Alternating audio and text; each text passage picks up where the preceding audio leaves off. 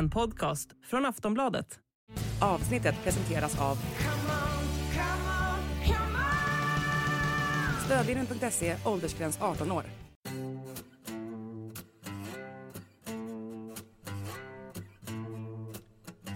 Damallsvenskan är i full gång efter den senaste helgens premiäromgång och dessutom väntar ju en ytterst spännande landslagssamling som startar nästa vecka. I dagens Sportbladet Daily går vi därför igenom, ja, där vi kan ta ut av den damallsvenska premiären och dessutom tittar vi ju på Peter Gerhardssons landslagstrupp för att se om det är någonting man reagerar på där och till hjälp för att göra det så har vi Anna Rydén från Sportbladet. Du lyssnar alltså på Sportbladet Daily med mig, Makoto Asahara.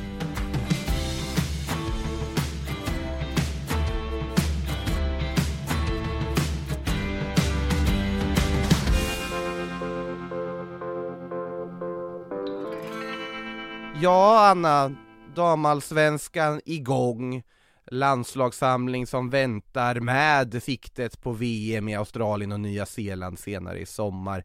Det råder ingen tvekan om att säsongen är igång nu, eller hur? Äntligen kan vi väl säga om det.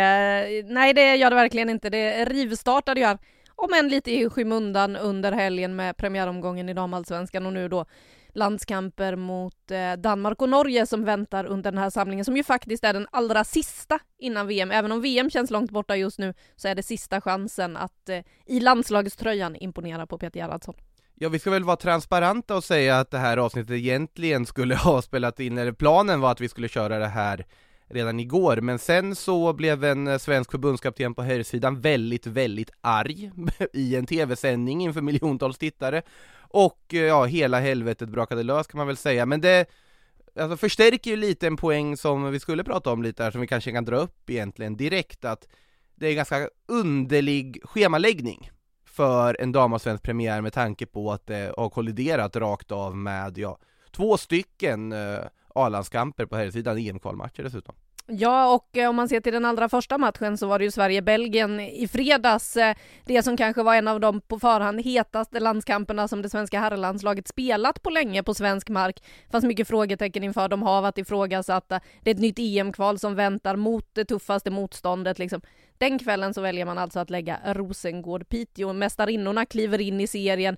Caroline Seger gör comeback efter, alltså hon har inte spelat en minut sedan EM-semifinalen mot England och gör comeback då inför 557 åskådare. Det var väldigt, väldigt fina scener att se Caroline Seger kliva in på planen igen, se hur Mia Persson skuttar ut, eh, hur Emma Berglund är framme med kaptensbinden, glädjen som finns kring Segers comeback med tanke på vad hon betyder både för då sitt Rosengård men också för det svenska landslaget, att det ska ske i skymundan av en herrlandskamp är tråkigt. Sen är det ju inte så att jag tror, vilket jag fick en del, jag skrev ju en krönika då om det här och fick en del respons att men vad då? Hade, tror du att 50 000 som befinner sig i Stockholm hade varit på Malmö IP annars? Självklart inte. De hade inte fått plats. Det hade de inte. Men också så här, varför ska man slåss om de fotbollsintresserade när till exempel då lördagen, nej men då fanns det ju inga matcher istället. Varför kunde man inte den här helgen gjort ett undantag och spelat matchen på lördagen och ramat in den på ett snyggt sätt och sen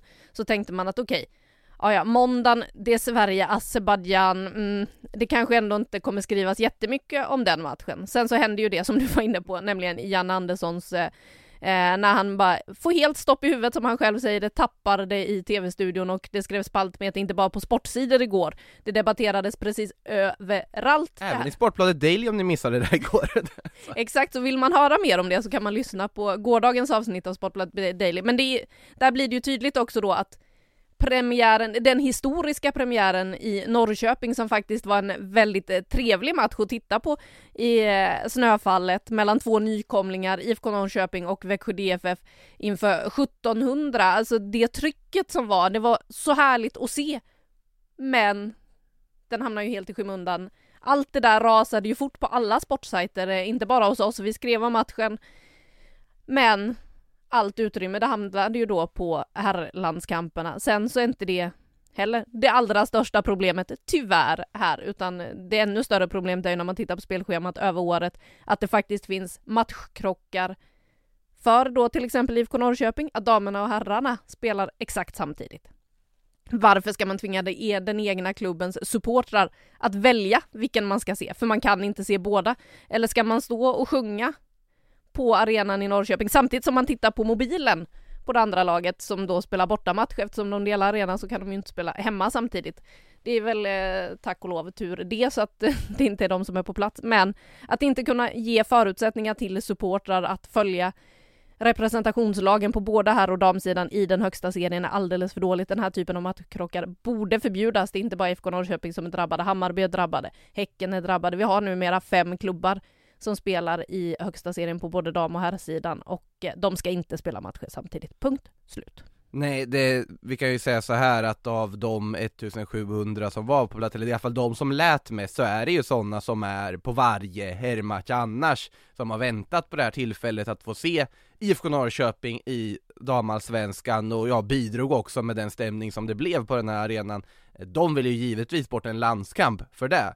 Väljer de bort en viktig match i herrallsvenskan för det, det ska låtas vara väldigt osagt. Så att, eh, nej det är ju underligt att man inte ja, ser det som samma förening, samma sport på det sättet som man inte gör i, eh, i schemaläggningen nu. Nej, det enda som det öppnar för är ju att man kanske då kan hitta några som är mer intresserade av damerna eller att man kan växa liksom en kultur där runt att det kommer en del som inte går på herrmatcherna och det är klart att det är positivt men man vill ju ha de som går på herrlagets matcher också givetvis för den stämningen som var att 1700 kanske i sig inte är en jättemäktig publiksiffra om man ser till herrallsvenskan till exempel men med damallsvenska mått mätt är det en bra publiksiffra. Och det trycket som var, det var ju inte så att det kändes som att eh, det var mycket tomt på läktarna utan det var en väldigt, väldigt härlig inramning och att fler, om fler kan se det man behöver inte vara så himla många för att det ska skapa ett mäktigt tryck. Just det tror jag faktiskt att fler klubbar i damallsvenskan skulle kunna sträva efter och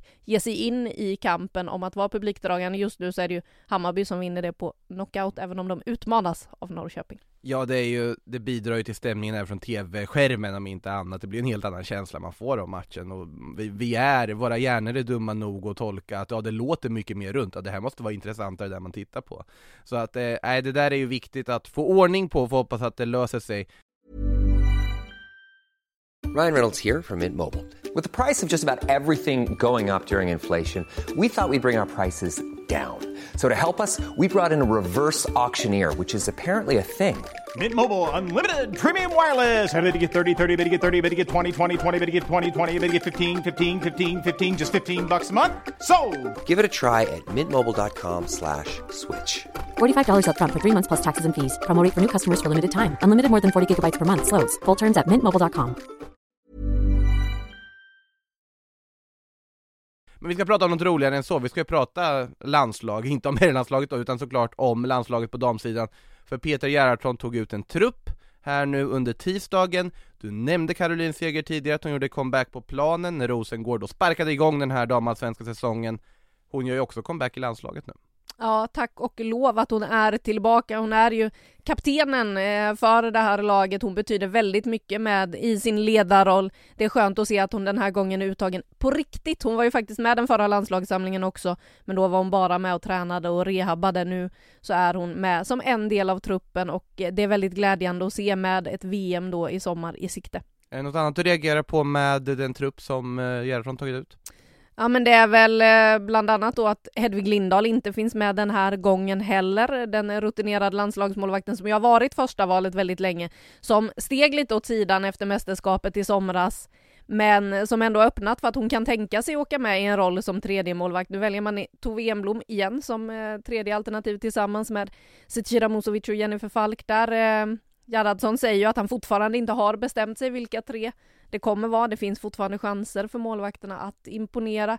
Men eh, det blir ju intressant att se där var han landar. Jag reagerade på att Hedvig inte finns med i den här truppen. Jag reagerar också på att till exempel Anna Sandberg, Matilda Winberg får chansen igen i eh, den här truppen. Att eh, de verkar vara jokrar som kan utmana om en plats bland de där 23 till VM som väntar. Sen är ju tyvärr inte Amanda Ilestedt med, skadade ju sig förra landslagssamlingen. Lina Hurtig saknas också med skadeproblem. Amanda Nildén som gjorde comeback i Juventus får inte heller en plats i den här truppen. Eh, så att eh, det finns ju lite frågetecken där på skadefronten. Vi väntar ju också på en rehabbande Hanna Glas som skulle kunna vara aktuell för en VM-trupp. Så att eh, det finns en hel del att se fram emot under den här samlingen, se vilka som lite tar steget. Jag vet att Peter Gerhardsson eh, var väldigt imponerad av till exempel Julia Sigiotti Olme som eh, gjort comeback i landslaget eh, under den förra samlingen. Så att eh, det blir intressant att se vad hon kan göra, hon som har fått kaptensbindel i eh, Women's Super League i sitt Brighton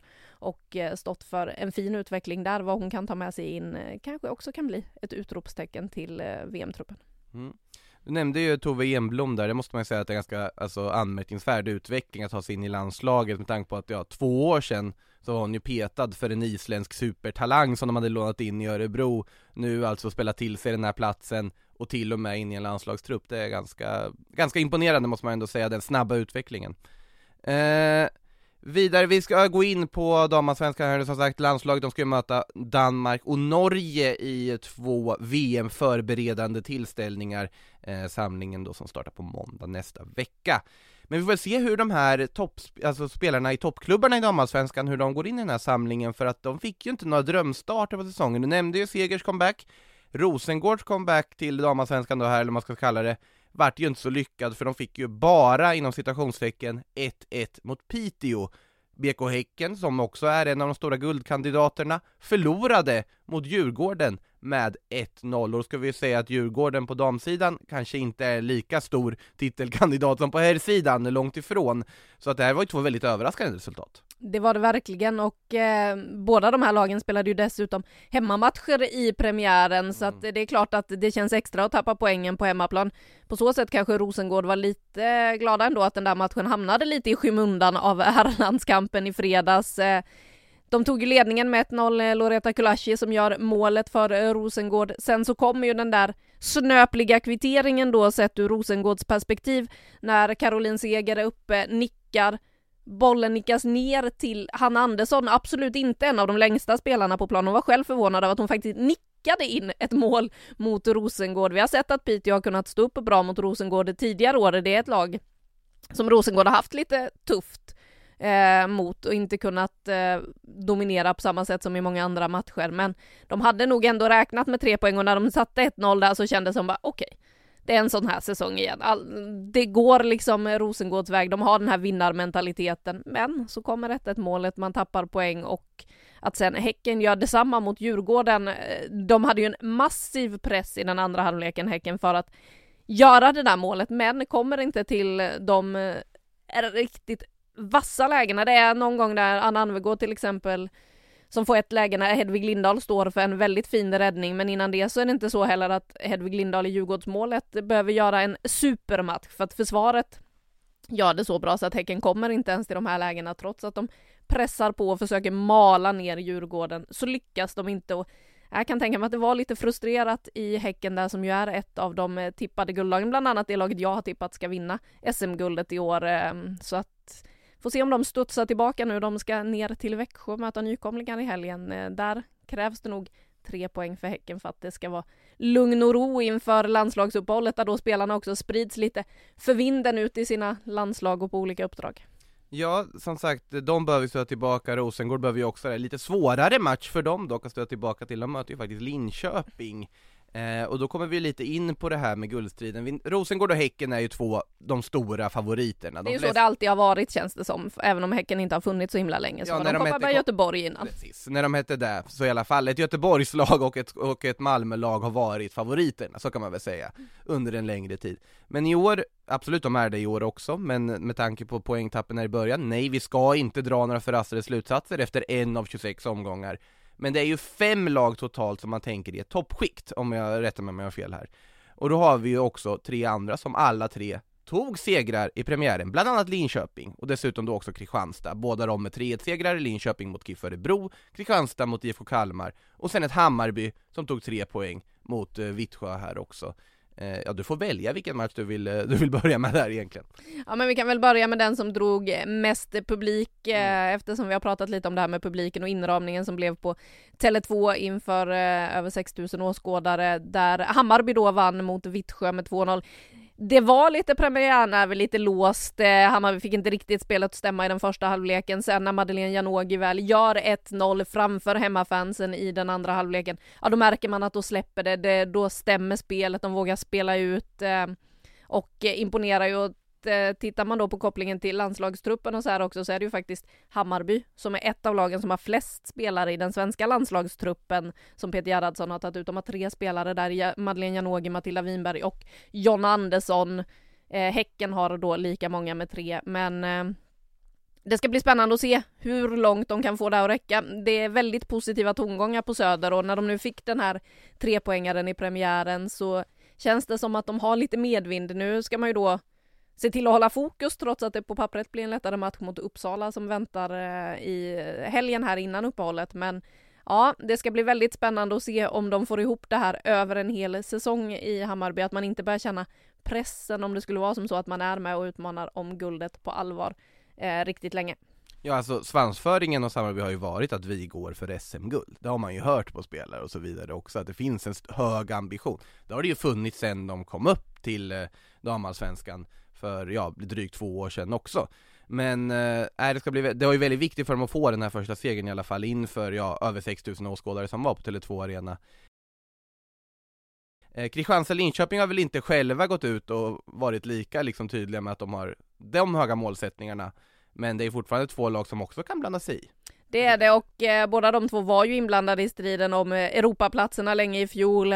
Siktar väl då kanske, eller man, ser man till deras trupper så känns det ju som att de kan vara med där uppe och utmana. Det laget som får att stämma hela säsongen kan absolut utmana om guldet. Kristianstad verkar hålla en lite lägre profil än vad de brukar, för det är ju ett lag som mm. under flera år på så här upptaktsträffar och så, där ska de ju lagen själva också tippa vilka tar SM-guld. Det har alltid stått Kristianstad 1. Det känns som att det alltid är så att Kristianstad har röstat på sig själva. Så var det inte i år. Det var ingen på Kristianstad i år på upptaktsträffen, vilket förvånade mig lite med tanke på hur det ser ut. Man får behålla Evelyn Wien som öste in mål och hennes radarpartner Tabby Tindel eh, i Kristianstad har förstärkt med Eiriksdottir också i den offensiva uppställningen.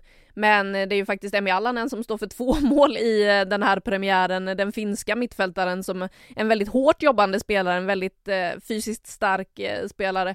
Men eh, det märks ju där att Vien, Tindel, de drar på sig så mycket uppmärksamhet från motståndarna så att ytorna finns för Emmy Allanen. Hon har ju faktiskt gått strålande även på försäsongen här under kuppspelet och så vidare så att ja, Kristianstad ska bli väldigt spännande att se eh, hur de får ihop det och hur länge de kan få det och hålla i. Och är det någon man vet som gillar utmaningar så är det ju deras tränare Elisabeth Gunnarsdottir som är mer eller mindre en institution i damallsvenskan nu för tiden.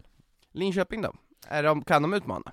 Det känns ju så med tanke på vad man faktiskt fick se, att de lyckas lösa det här stökiga premiären som det ändå blir. Det var ju mer eller mindre snöboll, det var svårt att se den matchen på TV för det var så stora snöflingor och eh, jag vet inte riktigt om spelarna ens såg bollen ordentligt där hela tiden. Eh, men man har ju stora hål att fylla för efter Vangsgård som vann skytteligan i fjol. Erfarenheten med Fischer, man har tagit in eh, Katinka Friis Tandberg, en norsk eh, anfallare som är en spännande talang. Kan Jeglet få den utvecklingen på henne som han fick på Vangsgård till exempel så är det klart att de kan utmana. Men där blir det ju ett riktigt test nu mot Rosengård igen. De har mött varandra i kuppen, spelat jämnt. Eh, ja, det ska bli väldigt, väldigt spännande att se där hur de står sig. Mm. Längre ner i tabellen, vi ska väl nämna det också, att, ja, du var inne på snö, det var det ju även i en, en annan del av Östergötland när IFK Norrköping då spelade sin premiär och vann, tog den första tre damallsvenska poäng, är ju hundraprocentiga då i damallsvenska historien, här och nu i alla fall. Eh, Chelsea Dauber med ett jättefint mål och även Vilma Koivisto då som då satte 2-1 målet Frågan är om det var ett skott eller ett inlägg det på Det Dauber? var väl ett inlägg eller? det känns ju kanske som att eh, det var det men eh, när jag tittade på det igen så började jag fundera på om det inte var menat ändå men ja, det är väl egentligen bara hon själv som vet vad hon tänkte där och då. Ja, oavsett så gav det i alla fall en 2-1 seger för Norrköping som då ja, startar bäst av nykomlingarna får man väl säga. Absolut, Uppsala vände ju 2-0 underläge mot BP till 2-2, eller hämtade upp det, eh, och fick med sig en premiärpoäng också, men tre poäng för Norrköping. Tror, eh, hur, hur mycket kan man vänta sig av det här IFK Norrköping, skulle du säga, i den här säsongen? Alltså jag tror ju att de kommer vara inblandade i den där bottenstriden till slut. Den här serien ser ju ut som att den kommer bli skiktad. Du var inne på att fem lag kan göra upp om guldet. Sen så har vi ett litet ingenmansland där under där eh, vi har en tre, fyra lag och sen så kommer resten då var inblandade i en egen liten liga i bottenstriden där jag då tror att alla tre nykomlingarna bland annat kommer vara inblandade så även BP och IFK Kalmar lär väl kunna husera där nere men jag tror ju att både IFK Norrköping och Växjö DFF med vad man såg i premiären kommer bli tuffa för många av de andra lagen i botten att möta. Då jag tycker att det var en underhållande match att se. Det kändes inte som ett nykomlingsmöte det där utan nej, det var en eh, underhållande match på många sätt. Eh, jag tror att det är många som kan få svårt med de här två lagen och jag tror att Växjö DFF nu blir väldigt revanschsugna efter det här. Eh, nu väntar ju då en tuff hemmapremiär för deras del mot mm ett eh, BK Häcken som också då är revanschsugna. Eh, så vi får väl se hur det går för Växjö. hur Man kan hålla i det här. De gick ju obesegrade genom elitettan. Eh, att verkligen hitta sin plats i serien, vara fine med det, hitta hur man ska spela och sådär. Men nej, IFK Norrköping, som sagt, de imponerade mest av nykomlingarna i den första omgången. Och nu börjar den andra omgången ganska snart här egentligen, börjar ju redan nu på fredag, så att vi ska väl börja ladda för den istället, men innan vi sätter punkt här så ska, ska du få en lite svårare fråga Anna. Eh, om du bortser, du får inte säga Häckens förlust mot Djurgårdens väldigt stabila defensiv, du får inte säga Rosengårds poängtapp mot Piteå. Vad överraskade dig mest med premiäromgången? Oj, vad överraskade mig mest? Eh, nej men det var nog ändå hur mycket tryck 1700 kan skapa. Det är någonting som alla klubbar i den här serien borde sträva efter, att få den där inramningen, stämningen på arenan. Det behöver inte vara knökfullt eh, ens på en stor arena för att man ska kunna skapa trycket, en mäktig inramning. Jag vet också att Vittsjöspelarna till exempel, som då mötte Hammarby på Tele2, mm. sa det att det här ger ju oss också så mycket energi. Nelly Persson eh, till exempel, som ju ja det var väl något år sedan nu som hon var ligans mest varnade spelare, är ju väldigt, eh, kliver alltid in rakt och hårt i duellerna, en tuff spelare att möta på mitten. Hon sa ju det, att hon älskar att spela inför det här, även om hon vet att alla är emot den, då taggar man till lite extra, så att det blir ju en extra drivkraft för spelarna på planen också, och eh, det hoppas jag att vi får se mer av under den här säsongen, att det blir ett bättre tryck runt matcherna, för då blir det en häftigare upplevelse för spelarna och för publiken. Så är det. Eh, Anna Rydén, stort tack för att du ville ta dig tid och vara med i Sportbladet Daily. Tack Du har lyssnat på en podcast från Aftonbladet. Ansvarig utgivare är Lena K Samuelsson.